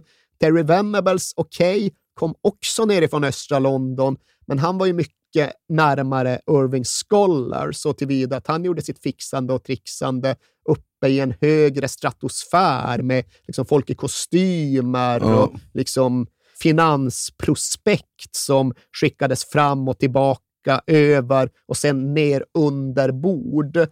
Så jag vet inte om Wheeler and Dealer är korrekta attributen, den korrekta beskrivningen, men absolut en, en kille på jakt efter det snabba, smarta klippet. Ja, en klippare, lika, var en klippare lika mycket som liksom en fotbollstränare kanske. Då. Ja, men det är även, väl det som är lite ovanligt. Då. Även här också ändå sprungen ur den här Eastenders-traditionen som ja, ligger så starkt i någon form av historisk bild av vad en Londonbo är för något. En cockney. Visa mig en cockney. Ja, här har du Harry Redknapp och ifall du inte är nöjd med den bilden så är det Terry Venables. Ja. Väldigt mycket just en Londonbo i allas ögon. Och i sina egna ögon också, för han lämnade ju typ aldrig London under ett liv med fotbollen. Åkte utomlands ibland, okej, okay, men som spelare så tillhörde han alltså Chelsea, QPR, Spurs och Crystal Palace. Och när han sen började coacha, då var det Crystal Palace och QPR innan det blev en studs i Barcelona och sen då tillbaka till London och Tottenham. Men det är klart att har man varit i Barcelona, då kommer man ju med någon form av trovärdighet, även om det kanske var svårare att komma till Barcelona från Crystal Palace och QPR med någon typ av trovärdighet. Och tar upp Terry Venables i Katalonien, ja, då heter det väl fortfarande, rätt orättvist men ändå, att det var snubben som sålde Diego Maradona och tog in Steve Archibald istället. ja, just det. och riktigt så var det inte. Det var väl redan bestämt när han kom och så vidare och så vidare. Men hans prestation i Barcelona är väl om något lite historiskt undervärderad. För han tog deras första ligatitel på 11 år. Måste Ja. vara första sedan Cruyffs tid. Och sen tar han ju dem till Europacupfinal.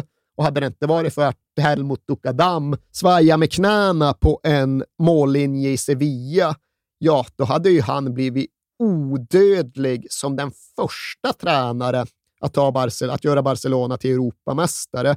Men nu är han väl mer en lite typ av kuriös parentes i Barca-historien som ja, bara viftades åt sidan när det väl blev aktuellt för Johan Cruyff att återvända.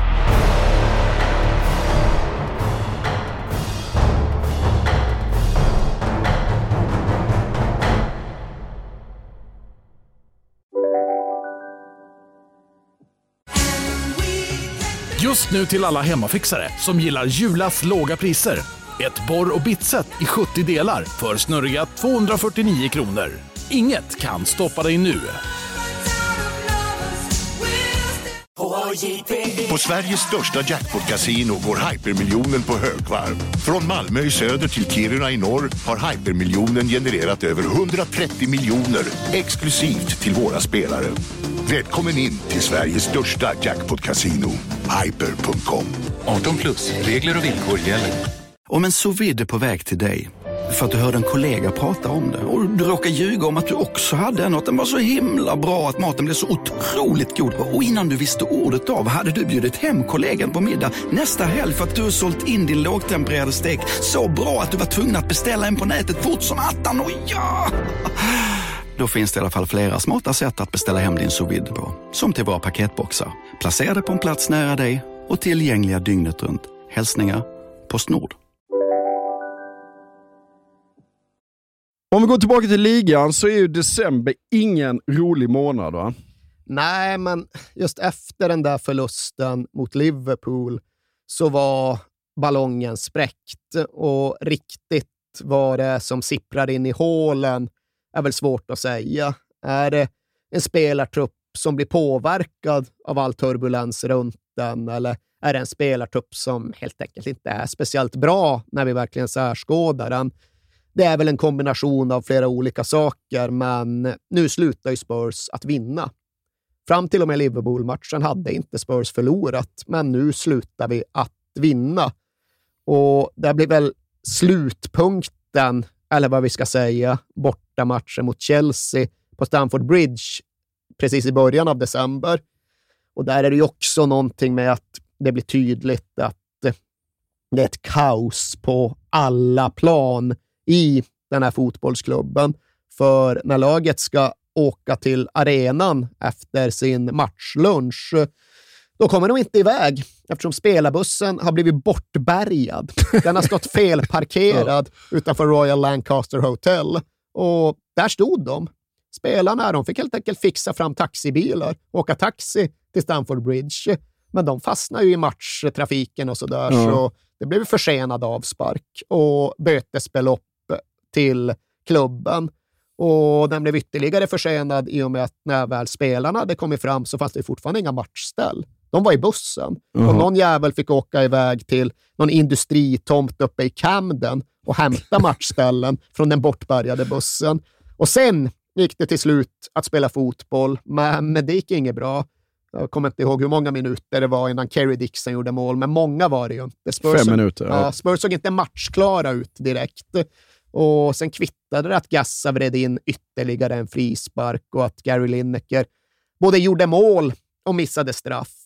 Tottenham föll och eh, det här blev ju startskottet för en mörk svit på mer än ett sätt. Det blev den första förlusten i en svit av misslyckade matcher på Stamford Bridge som skulle komma att sträcka sig nästan 30 år. Vi vann ju inte på Stamford Bridge på nästan 30 Nej. år innan Dele Alli till sist såg till att ändra på det.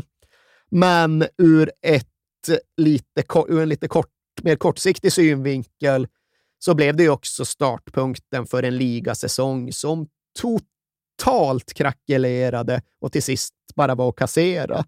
Alltså vi hade 24 ligamatcher kvar när vi åkte till Stamford Bridge. Av de 24 så vann vi tre stycken. Ja. Och de vinner vi mot Luton, Derby och Southampton. Luton var ganska tätt in på den här matchen mot Chelsea, men även där så behövde vi vi behövde pressa fram en seger med nio man. Vi hade fått två röda kort och det var såklart upp till Gassa att vända på det och avgöra. Och när inte Gassa var på humör, när inte Gassa var i fysiskt skick för att spela, då hade vi ju ingenting. Nej. Det visade sig allt mer och allt oftare. Och ännu en sån här liksom ner i skoskaften-match. Den kom sen på nyårsdagen, alltså 1991 års allra första dag, då vi har Man United hemma. Och det ser länge ganska bra ut. Men sen får Gassa rött kort. Han har sagt något till domaren, jag vet inte fan vad han kan ha sagt. Nej. Får direkt rött för snack. Det var inte jättevanligt Nej. i England på den här tiden. Och för att lägga lök på den nyårslaxen så gick sen Brian McClare och avgjorde i sista minuten. Så en blytung jävla förlust som slut på en mardrömsdecember då det verkligen hade blivit tydligt att laget inte mådde bra, att laget var allt annat än komplett och att laget ja, i förlängningen helt och fullt lita, lutade sig mot Paul Gascoigne. Och det är inte den tryggaste pjäsen på spelbordet att lägga all tyngd mot. Nej, inte på en hel säsong i alla fall. Men det är alltså med den här vägvisaren som vi nu ska möta vårt ödesår. För det kan inte upprepas nog många gånger. Det var in i 1991 helt uppenbart och helt befogat att befara att Tottenham Hotspur spelade sin sista säsong. Det var inte jättevanligt med konkreta konkurshot inom den engelska elitfotbollen, så det här var något lite nytt och det var någonting som alla tog på, på absolut största allvar. Det var fråga om liv eller död, existens eller konkurs och nedläggning. Och återigen, allt lutar mot Paul Gascoigne och allt fick nu också lov att läggas på den FA-cup som fanns kvar när ligan hade hunnit försvinna. Ja, för att då går vi in i det här eh, datumet som eh, Erik kallar med the biggest day of the English football calendar. Jag har haft Och- mycket roligt åt under åren. Ja, eh, och- varje, varje gång det blir första helgen i januari brukar du höra av Ja. dig och med sarkastiskt tonläge fråga om jag ska se Doncaster. Ja, därför att Erik tindrar i ögonen av glädje när han säger detta och själv är man bara Ugh. Därför att då är det liksom, då är det de stora lagen går in i FA-cupen och möter de här skitklubbarna och Erik älskade och själv tycker man, ah, kanske inte så roligt. Alla med, från vår generation med vår bakgrund har fan som skyldighet att älska FA-cupen och att älska allt det här romantiserandet av FA-cupen, av världens äldsta fotbollsturnering, av skrällarnas fotbollsturnering, av jättedödande. Och för yngre lyssnare, nu för tiden är det väl alla lyssnare som är yngre än Håkan Andreasson, 50, Ja. så vill jag verkligen hamra fast med kraft och med klubba att FA-cupen fram till och med ungefär den här perioden var en turnering som var jämställd med ligan. Det var lika stort och lika viktigt att vinna FA-cupen som det var att vinna ligan.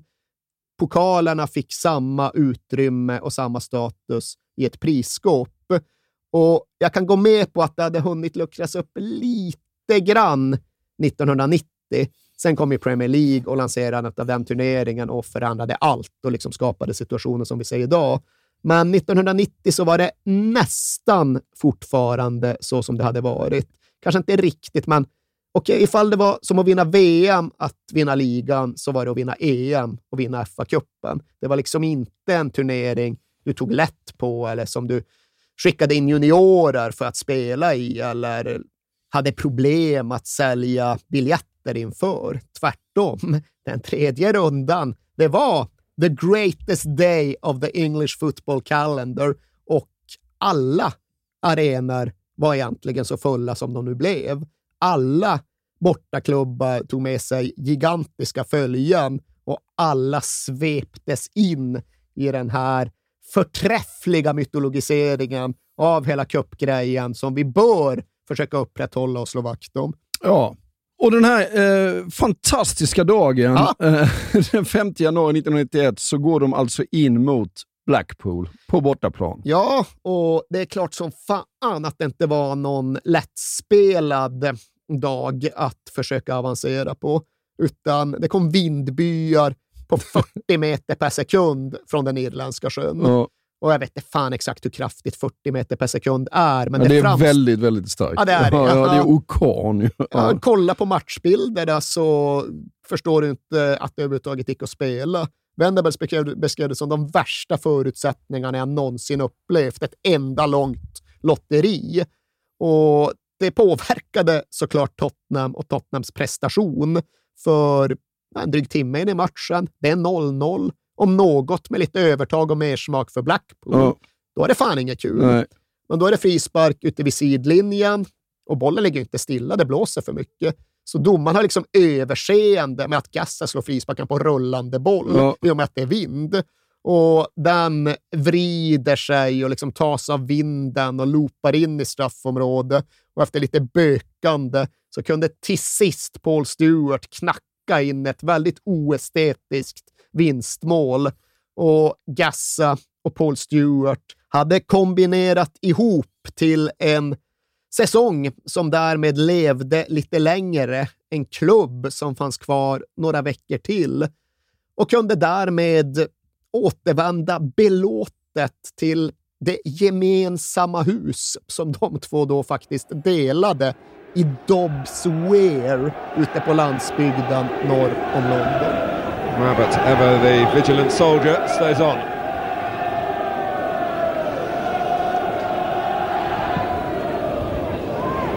Oh, and this come for Lineker. Stewart! Paul Stewart! With a fairy tale return to his first club. Well, it can be a cruel game at times, but what a wonderful free kick from Paul Gascoigne in these conditions. It's bent into the most dangerous place. Gary Lineker is very fortunate, and then it ends up at Paul Stewart's feet. And Paul Stewart in return is very fortunate that his, his half-hit shot bobbles into the net. But sometimes it's shots like that that happen. Ja, och med det i bakhuvudet så rullar det på med Portsmouth borta i nästa omgång. I, Ja, hur, hur låter det? det låter ju bistert, men du tycker väl det låter underbart? Ja, alltså, Ja. tänkte rent sportsligt så är det ju alltjämt ändå en ganska tacksam lottning Ja. i och med att Portsmouth låg i andra divisionen. Men absolut, det är ju den hårdkokta sydkustklubben. Ja. Många av de andra på sydkusten, de anses ju vara lite Spurs, Ja. liksom. lite vackert väderklubbar. Ja. Men Portsmouth, de jävla hamnshoarna, de gör det tufft för veklingar från London. Ja. Men uppsidan in i matchen, det är ju i alla fall att jag hade tänkt att Gassa ska spela igen. Nu har han ju vilat sig i form till kuppen och nu ska han väl komma i perfekt skick. Ah, det är ju det här med att nu börjar Gassa faktiskt också känna av anspänningen. Eh, han inser att det här är oerhört viktiga fotbollsmatcher som ska spelas. Och även om han inte blir nervös på, på, normal, på sedvanligt sätt så blir han ju än mer uppskruvad. Ja. Och det är hans problem natten före matchen i Portsmouth. Han är så uppskruvad och så hyperaktiv att han inte kan sova. Och han känner ju igen det där i sig själv, att sånt händer ibland när det är dags för stormatch. Och han tycker sig ändå ha en lösning. För det hade varit jävligt mycket som snurrade i huvudet innan VM-kvartsfinalen mot Kamerun också. Men då hade han ju släppt ut någon stackars lagkamrat på tennisbanan i stekande sol dagen före match och liksom lakat ur både sig själv och lagkamraten. Ja. Och det tyckte han funkar kanon. Så nu går han runt och knackar dörr bland lagkamrater och kräver att någon jävel ska komma och spela squash med honom. För han har upptäckt att det finns en squashbana på hotellet. Ja. Och det här är liksom halv ett på natten. Så de flesta har ju gått och lagt sig och liksom öppnat den där Gassa, bultar på dörren. De hör att det är Gassa och Ja, ja, ja. fan bäst att hålla den här dörren stängd. Men reservmittfältaren John Moncur, han får för sig att ändå kolla vad det är för jävla palaver och sen blir han ivägsläpad av Gassa till squashbanan med löftet om att det blir bara en enda match, för då får jag ut grejerna ur systemet och kan jag sova. Och sen spelar de elva matcher. Nej. Och då alltså, mitt i natten Ja. före fa Cup åttondelen. Eh, Jag vet inte när han kommer i säng, men så halv fem eller Är det någonting. aldrig någon som kan slå något larm runt denna människa? Nej, det är Nej. tydligen inte det. Nej. Och här var det också så där att ja, det kommer fram vad som har skett. Och Venables behöver inte direkt bedriva någon utredning för att lista ut vem en av spelarna. Nej. Du har spelat squash, Gassa. Ja, ja, gaffa, gaffa, squash, squash. liksom. Jaha, okej. Men det tycker jag ändå Venables är det mindre av problemet, för han känner Gassa tillräckligt för att veta att han kommer faktiskt kunna spela Ja. trots detta. Men vem var den andra jäveln? Det blir aldrig uppdagat här. Och det är kanske tur det, för John Moncur spelar inte mycket den här säsongen. Men den här fighten skulle han plötsligt in och spela i. Och det var väl inte helt perfekt. Nej. Det insåg till och med Gassa, för när han sitter i bussen på väg mot matchen, jag kan knappt röra mig. Det kanske inte är optimalt. Undrar hur det går för Moncur. Och Spurs kom ut och blir översprungna på mittfältet Ja. där vi har två squashspelare. Och Portsmouth är bättre. Portsmouth trycker på och Portsmouth gör även mål strax före paus. Mark Chamberlain slår in bollen. Vad associerar vi honom med? Nej, jag associerar inte honom med någonting. Han är farsa till Alex Oxlade Chamberlain. Jaha. Numera ja, berömd fotbollsspelare. Ja, Eh, Men han gjorde mål och vi hängde mot repen och vi hade kunnat förlisa där nere på sydkusten. Men en squashad Gassa är en bra Gassa. Han går ut i andra halvlek och ja, vänder matchen på egen hand. Ja. Kvitterar på en ja, stark jävla nick. Ja. Bra huvudspel. Och sen Jordi Gambetar in Ja, med precis. ett avgörande 2-1 mål med fem minuter kvar. Ja. Så superhjälte igen, trots allt. Och senare den kvällen också en Spurs-profil med rätt att konstatera att fan, det här med kuppen börjar ju plötsligt se riktigt jävla intressant ut. För Tottenham har redan nu haft en ganska gynnsam lottning på vägen fram. Men nu öppnar turneringen verkligen upp sig. För titelhållarna Man United, ja, de har rykt mot Norwich de smått ostoppbara Liverpool ser inte alls ostoppbara ut längre. För de är indragna i en holmgång mot grannarna från Everton. Den kommer ju ta tre matcher innan den blir avgjord och den innehåller bland annat en 4-4 fight som tillhör de mest klassiska Merseyside-derbyn som spelats, men som framför allt är ihågkommet för att ja, matchen får Kenny Dalglish att säga upp sig. Jaha. Han är ju så märkt och så plågad av Hillsborough att han till sist då känner att det kommer ikapp honom. Ja. Och när Dalglish kliver av så försvinner någonstans fundamentet som, hela, som har hållit ihop hela Liverpool under de här traumatiserade åren. Och här kollapsar ju fotbollslaget Liverpool. Ja. De slänger bort sin serieledning och de åker ur FA-cupen. Och det är ju såklart en historia i sig, men det får ju konsekvenser att när man nu tittar på FA-cupen och vad som återstår så är det, ja, det är allas buckla att tävla om. Spurs lottas mot Notts County i kvarten och det låter ju onekligen gynnsamt Ja, det igen, det ju. men det är inte heller så att till exempel grannarna från Arsenal behöver slita livet ur sig i det här skedet av turneringen. De har precis slagit Shrewsbury och nu får de, nu får de beskedet om att ifall de bara besegrar Cambridge också, så är de i semi. Ja. Och det är ju positivt att kuppen faktiskt tycks finnas inom räckhåll, men det sammanfaller med en tyngd mot laget och mot stjärnorna som bara blir större och större och mer och mer påtaglig. För i, det här, i den här fasen av spelåret, ja, då befinner sig Tottenham som klubb, som fotbollsföretag i en position där de omedelbart, akut, på något sätt måste lugna fordringsägarna. De måste få de skuldindrivande intressenterna att köpa in sig på att det ändå kan lösa sig till slut, att det finns lite pengar att hämta här. För annars så är de i position att med omedelbar verkan försätta Tottenham i konkurs. Mitt under säsongen? Ja, så som jag förstår ja. det. Jag kan ha fel på någon ja. paragraf här, men situationen är i alla fall som sådan att en av de största fordringsägarna är Midland Bank. Och de är väl inte de allra mest sentimentala fordringsägarna, utan bedömer de att de inte får några pengar här, ja, då ansöker de helt enkelt om att försätta Tottenham i konkurs. Om inte annat så kan de placera klubben under tvångsförvaltning, administration, och det antogs innebära att ja, blir det på det sättet så är det enda som kommer hända att, jag ska väl inte kalla det för bolagsplundring, men utförsäljning. Ja, de säljer alla spelarna. Omedelbart ja. så säljer de ut alla tillgångar till reapris för att så snabbt som möjligt i alla fall få in lite pengar. Ja. Och det scenariot var live. Det scenariot låg bara någon knapptryckning eller i alla fall någon fotbollsförlust bort.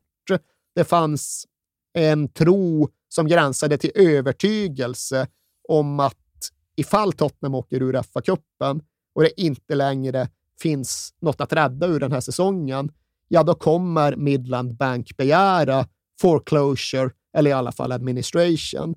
Och på ett sätt gick det att förstå dem, för det kom liksom inga tydligare planer från Tottenham-håll. Ja, men hur ska ni lösa det? Vart ska vi få våra pengar ifrån?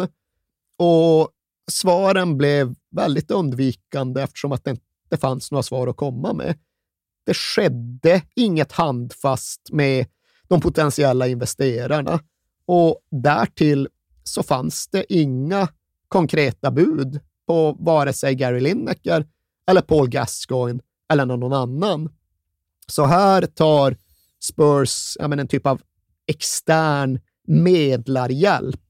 De tar in en agent som inte är agent för någon spelare, en figur som heter Dennis Roach och skickar honom som någon form av medeltida depesch till Italien för att ja, men, undersöka underlaget.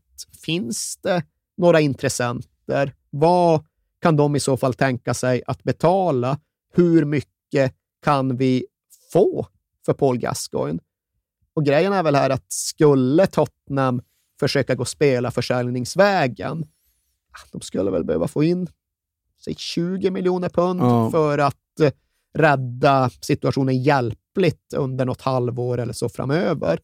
Och de hade väl hoppats på 10 miljoner för Gassa och 4,5-5 miljoner för Lineker. Ja. Men Dennis Roach kommer tillbaka från Italien och nej, alltså 5 miljoner pund ja. för Gassa från Milan och från Lazio ungefär där, kanske lite högre, men han spelar ju knappt nu. Liksom. Vilar nästan alla ligamatcher och verkar inte sköta sig något vidare. Så är det inte så att det är någon jättehög sexa här. Och Lineker, ja, kanske något från Torino, två miljoner pund. Ja. Där någonstans.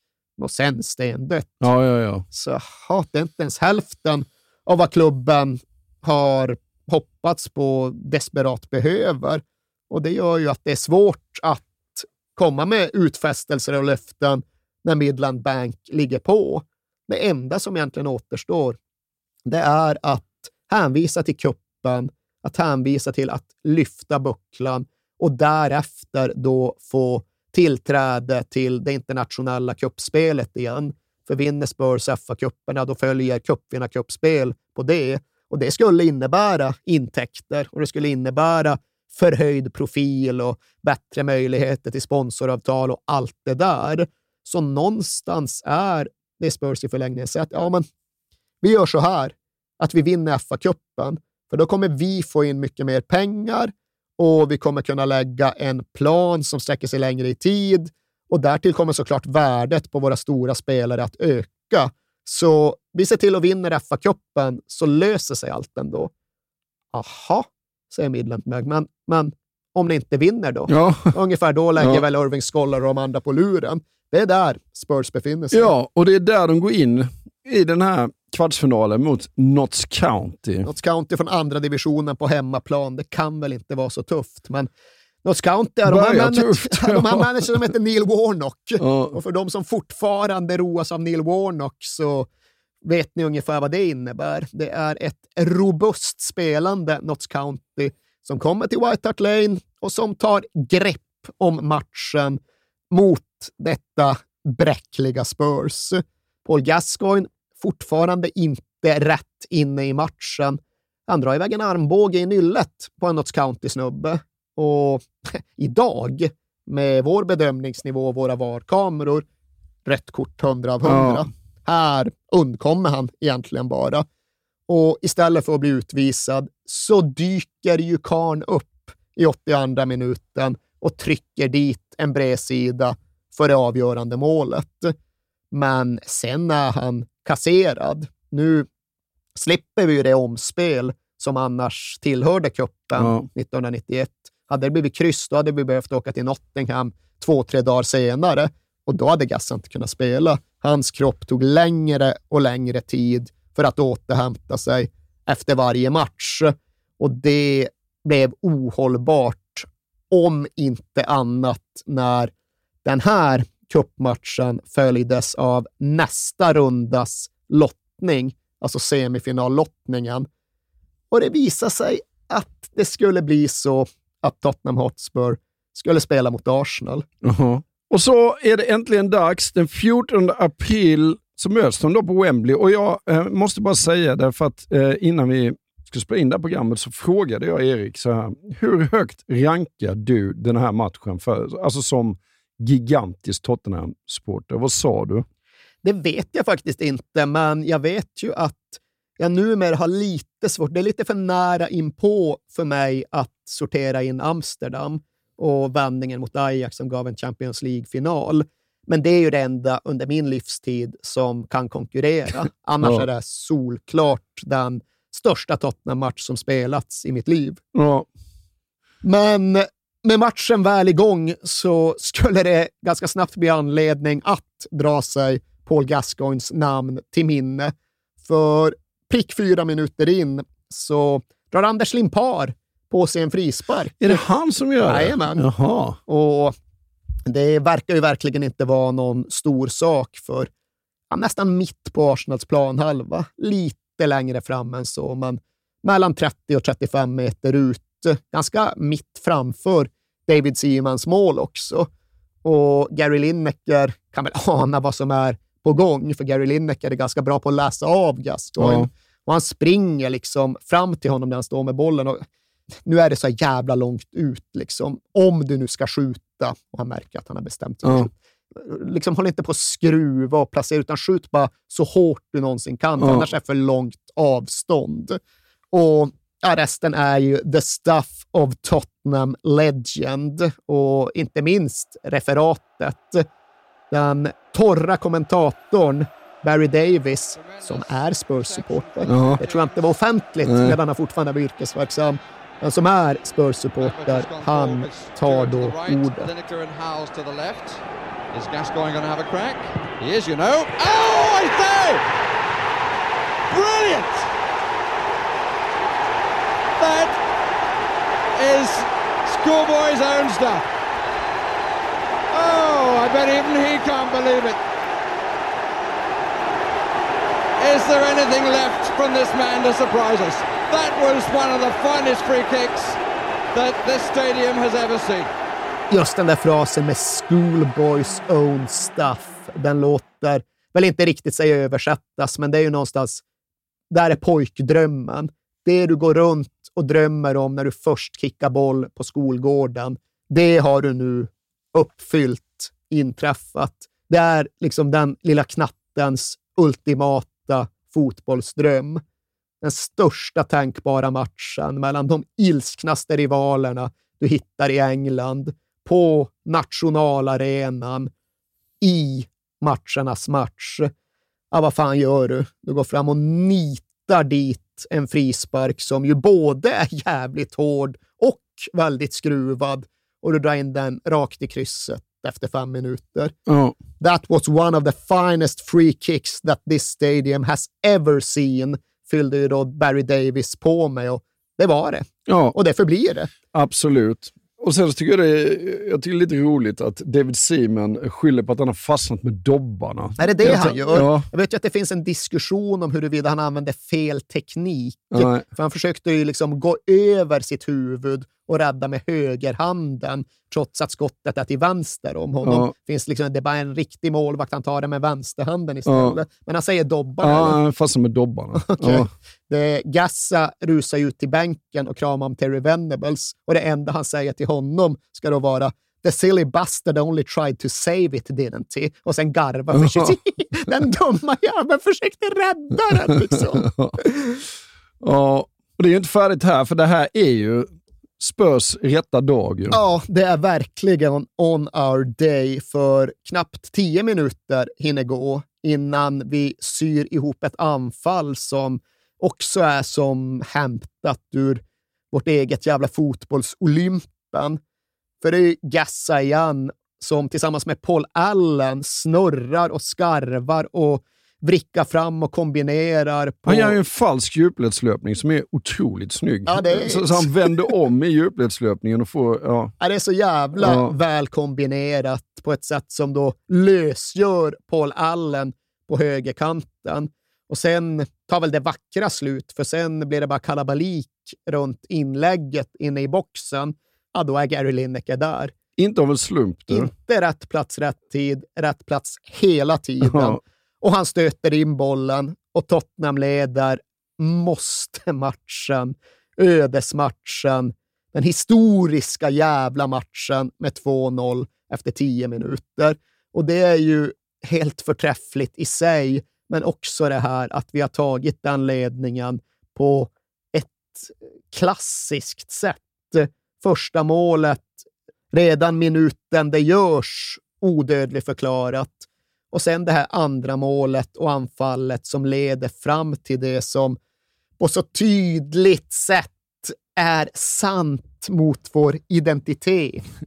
När vi vann ligan 51, ja, då pratades det om hur vi utforskade, utformade liksom push and run-fotbollen. Spela och stick, passa och spring. Kanske låter elementärt, men Arthur Rowe och hans sätt att lära ut fotboll, ja, det är obligatoriskt i Spurs-läroboken. Och fotbollen som laget presterade den här dagen, då pressen var som allra störst och värst, ja, men det var fotboll som hängde samman med push and run-spelet från 1951, från 40 år tidigare. Och om något så ställde vi upp en typ av 4-2-3-1-formation som då inte användes i engelsk fotboll. Men medan George Graham gått runt och våndat sig för Paul Gascoigne, då hade då Terry Venables kommit med det han gärna beskriver som ett eh, liksom, taktiskt mästerligt motdrag. För hans gameplan gick ut på att eh, sätta, sätta Paul Allen då på högeryttern och så den defensiva mittfällaren David Howells på vänsteryttern. De skulle sedan retirera med avsikt och därmed tillåta, uppmuntra Arsenals ytterbackar, Lee Dixon och Nigel Winterburn att kliva fram. Sen skulle det då finnas massor med ytor runt och framför Arsenals mittbackar. Och där skulle Spurs kunna ha kul med det numerära övertag som återstod på innermittfältet. Där skulle Gassa och Vinnie Samways och Paul Stewart, den neddragna Paul Stewart, kunna sy ihop passningsmönster och såra Arsenal. Och det lät ju bra. Och det såg ju ännu jävla bättre ut när det faktiskt förverkligas i realiteten. Jag tror aldrig jag sett Erik Niva lyckligare när han beskrivit något. Det Leendet går från öra till öra när han beskriver- detta. Nej, men det vore väl en sak ifall vi just hade slumpat oss fram till den där 2-0-ledningen. Men även nu när jag tittade på matchen i repris 30 år senare så är ju den första halvleken formidabel utifrån utgångsläget och utifrån farhågorna vi hade. För Tottenham möter då ligaledarna och spelar en tydligt mycket mer beslutsam, konkret, mer penetrativ fotboll än vad Arsenal gör. Och det är verkligen så att spelarna snurrar omkring runt fötterna på Tony Adams och Steve Bold. Och om något så låg ett 3-0-mål på lut snarare än någon reducering. Men med 15 sekunder kvar av den första halvleken, då en halvlek som förmodligen inte hade fått någon tilläggstid, då lyrar Lee Dixon in ett inlägg i straffområdet och den långa stängeln Alan Smith lyckas rätt mycket ur ingenting hitta en bra jäkla nick som Ja, studsar ner i mål, marken säga. och Ja. går in i bortre. Ja. Plötsligt är det inte bara reducerat, utan mentalt framstår det ju som utjämnat och mer därtill. 2-0-ledning efter den första halvleken, ja, då hade det nog fan kunnat gå. Men 2-1 efter den första halvleken med den reduceringen. Ja, jag vet ju att jag inte är ensam om att med Tottenham-psyke konstatera att när det väl var halvtid så kändes det ju som att matchen, alltså den var ju så förlorad så att det var Ganska inte många negativa tankar det var inte ens värt att ja. spela nej. andra halvlek. Skulle det bli 4 eller 5-2 till dem? Ja. Liksom? Eller skulle de bara avgöra på, i 92? Det var ju det som var frågorna som gick att ställa. Ja. Och grejen är ju också att Gassa var ju, han kroknade ju. Han hade inte 90 minuter i sig, visade det sig. Venables hävdade ju men jag trodde fan att han hade 90 i sig, men ja, varför bytte du då ut honom efter 65? Ja, det enda Venables kunde tänka sig det var att han hade bränt för mycket energi i omklädningsrummet. Dels då före match, men också nu i pausvilan. Jaha. För det ska också Gassa ha, att han hade ju inte allas vårt andras Spurs-psyke. Han såg ju inte domedagen och den fatalistiska undergången, Nej. utan han kunde inte se problemet. Okej, det är fotbollsmatch. Ja. Och jag spelar. Ja. Och mitt lag vinner. Ja, ja, ja så blir det. Ja. Jag menar Paul Gascoigne. ja, ja. Och det var ju en självklarhet för honom. Han hade sina röster i sitt huvud, han med, men de pratade fan aldrig om fotbollsförluster. Nej. Det gjorde de inte. Nej. Utan när det väl fanns en gräsplan inom synhåll, ja, då var det guts and glory som gällde. Och andra halvlek då? Ja, alltså jämn under stora stycken med ett knappt men ändå märkbart övertag för Arsenal och Gassa utbytt efter 65 minuter. Okej, de har inte kvitterat ännu, men 65, 70, 75. Vi är många som bara är övertygade om att det är en tidsfråga Ja. och kan inte bara göra plågan kort. För här fanns det liksom inte heller någon väg ut. När de väl kvitterade så innebar ju det i bästa fall från vår sida ett omspel. Ja.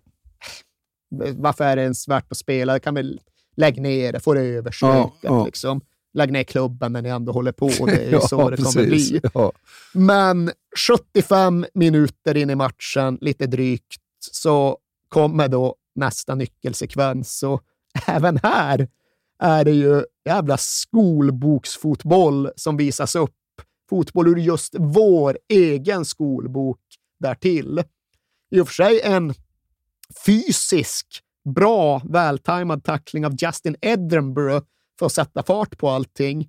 Men sen är det ju av alla Gary Mabbott och Gary Lineker som kombinerar tillsammans som om de vore Leo Messi och Frenkie de Jong i en Copa del Rey-final i Sevilla. För de utbyter ju väggspel och positionsskiften på ett sätt som då till sist innebär att Gary Lineker kan ja, springa själv mot Arsenals backlinje. Och här behöver vi inte göra någon Gambeta-jämförelse, för han får lite hjälp av en avledande Paul Stewart-löpning. Och Det innebär att till sist behöver han egentligen bara trampa runt Tony Adams. Men han gör det snyggt. Han Ja. gör det jättebra som genomför detta och sätter sig själv i ett skottläge. Men sen är det ju ändå ett hafsigt och ganska slappt skott han får iväg. Ja. Men till allas oändliga lycka så gör då David Seaman ett av väldigt få grova misstag i Arsenals tröja. Här är det inte en fråga om teknik och skulle han ha tagit den ena handen eller den andra handsken, utan här har han ju båda nävarna bakom Ja. bollen. Det är liksom bara att stöta ut Ja. ett löst halvhögt skott mot, ja, i värsta fall hörna. Men på något jävla sätt ser det ut som att de där handskarna är tomma. Ja. Det finns inget i dem, utan Nej. bollen går bara igenom och in i bortre burgaveln och så står det 3-1. Ja. Mabbits fed it well. Naeem to the left. Samways ahead. And Lineker uses him by not using him. Good try, score! And David Seaman will be very disappointed about that. It seemed to go through his fingers. Good break by Tottenham. Very, very good running by Samways that helped the opening. But I don't think David Seaman will be too happy. Look at the run he makes. And that gives a bit of space to Lineker to his right. But the shot seemed to go through the fingers. Well, a poor soft goal, but as you say, Vinny Samways, look at his run there, takes ball, Tony Adams dives in, Gary Lineker gets a yard away from him, stretches for the shot, and Seaman appeared to get both hands to it, went through his fingers, and I think that expression...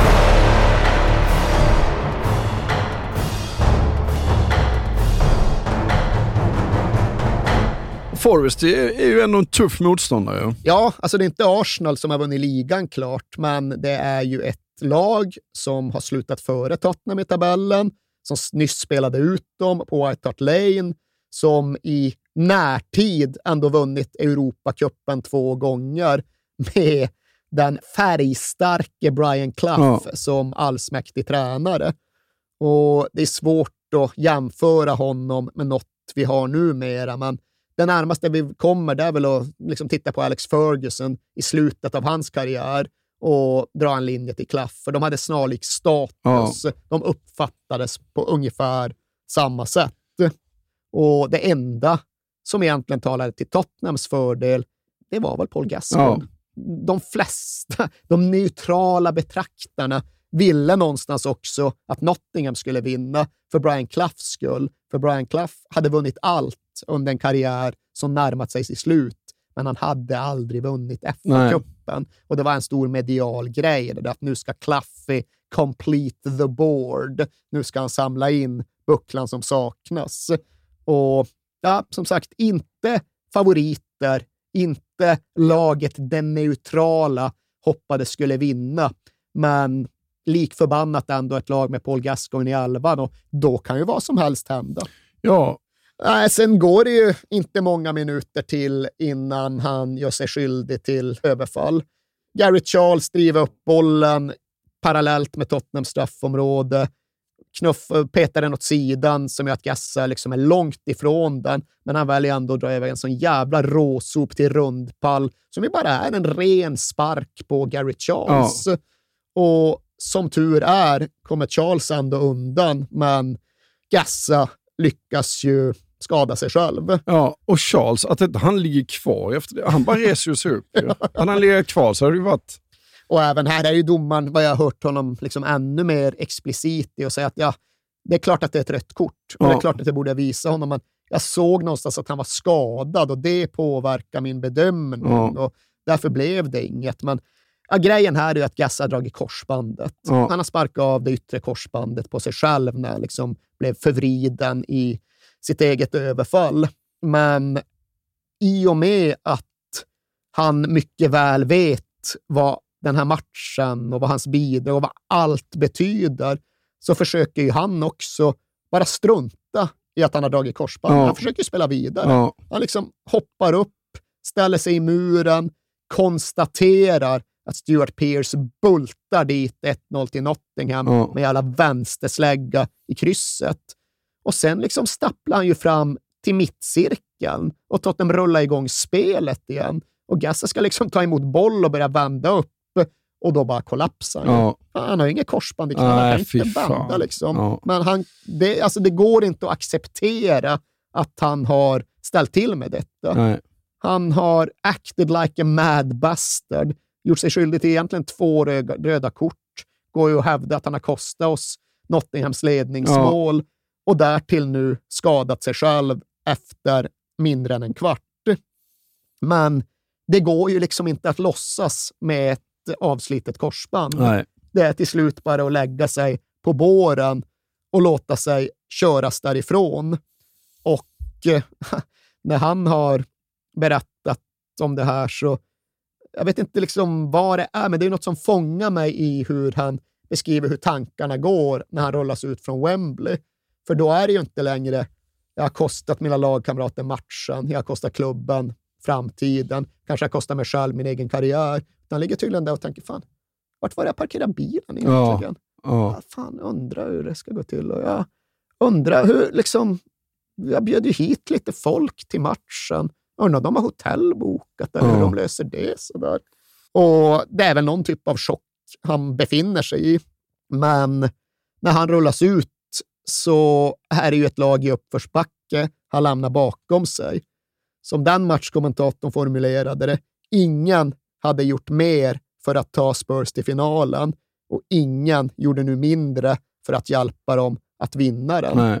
Liksom grejen med Gassa, han låg ju bakom alla mål på vägen fram till cupfinalen. Ja. Det är ett, det där som Najim gör som styr på någon i något counter och sen det Lineker gör i semin när Gassa är utbytt. Men alla andra är ju Gassas mål, Ja. mer eller mindre direkt.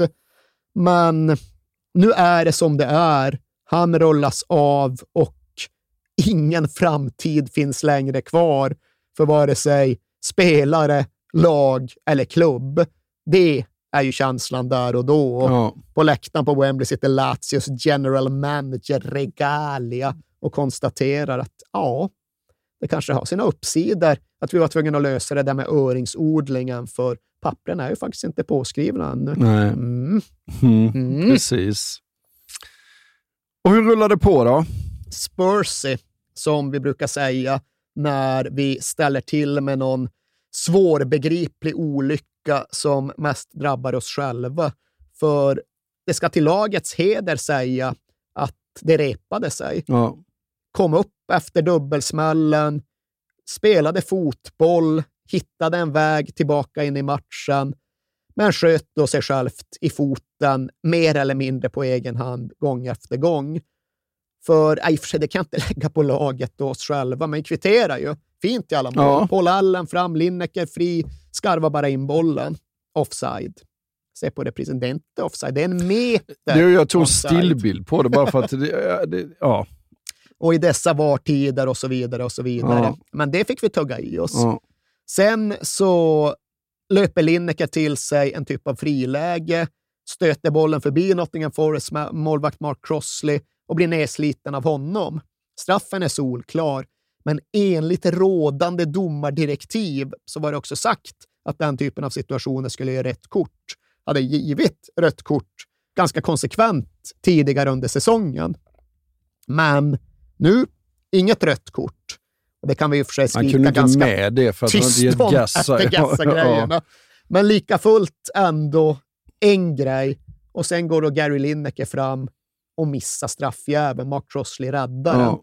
Han hade ett par olika varianter. Det här var den han... En ganska hög bredsida i målvaktens vänstra. Det var den han tog till när han var som mest stressad. Ja. Läs Kamerun, kvarten VM 90. Crossley hade väl läst den. Crossley räddade och därför fick vi gå in i pausvila i 1-0 underläge med Gassa borta, med felaktigt bortdömt mål, med missad straff. Ja. Spursy. Och då är det ju ännu starkare det som händer sen. Ju. Ja, det får vi väl ändå beskriva Det är ju det som. inte Spursy, Nej, känns som. det är det inte. Att liksom trumma på, att hitta inre kraft och karaktär och att någonstans ledas av en spelare och en man som ja, haft jävligt många anledningar att lägga sig ner och dö innan han kom till den här punkten. För efter en fin frambrytning av Paul Allen så är det Paul Stewart som får någon typ av halvt friläge en bit in i andra halvlek.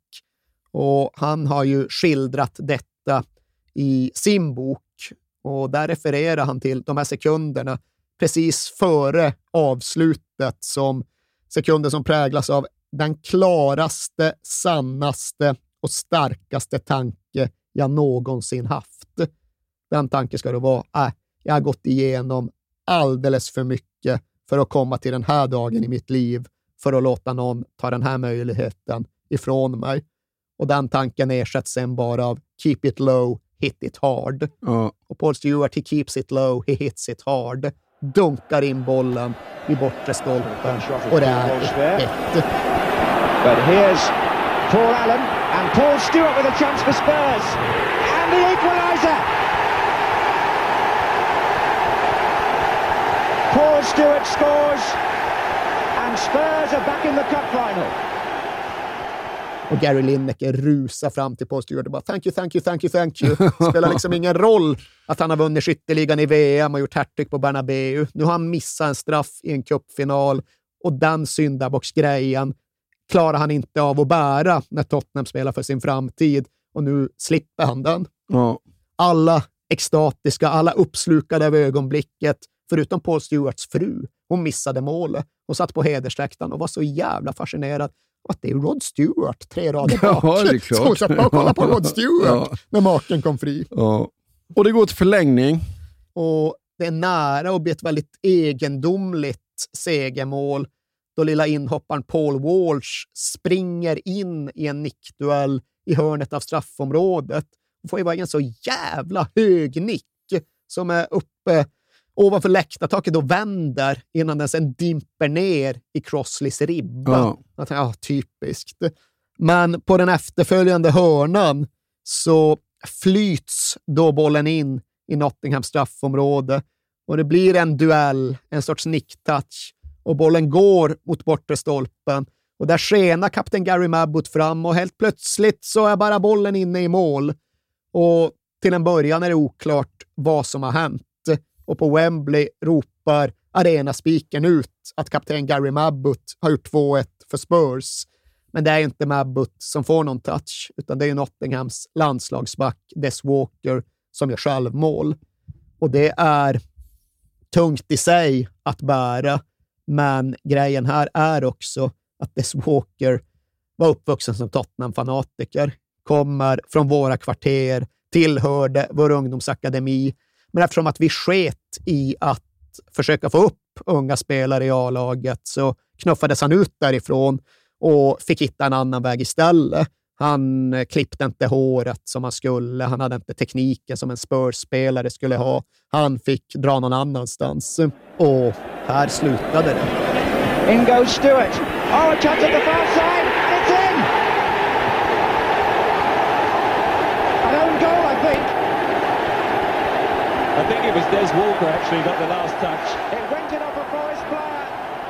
Och här slutade i grund och botten även finalen. För även om det här är första förlängningskvarten och alla vi Tottenham-oroskorpar såklart förutsatte att det fortfarande fanns ett sätt att förlora, Ja. så repa sig inte Brian Cloughs apatiska Nottingham egentligen överhuvudtaget. De har någon kvarts chans, något så här snett och vint Gary Charles-skott, men det blir faktiskt inte speciellt pressat, utan Tottenham kan spela av den andra förlängningskvarten. Ganska behagligt och kontrollerat. Och till sist då vinna FA-cupen, bli rekordinnehavare av den buckla som betytt mer än någon annan för oss under klubbens historia fram till den punkten. Och i alla fall i teorin, i alla fall i ögonblicket, säkra klubbens framtid. It's never over until the final whistle. Naeem has got the ball. Oh, he's given it away straight to Laws. And Spurs not distinguishing themselves in trying to keep possession. They do better just to play normally, I would think. Here's Walsh. And there it is. Tottenham Hotspur have won the FA Cup for a record eighth time. And Brian Clough has failed his 34th attempt with Des Walker's own goal. Unluckily for him,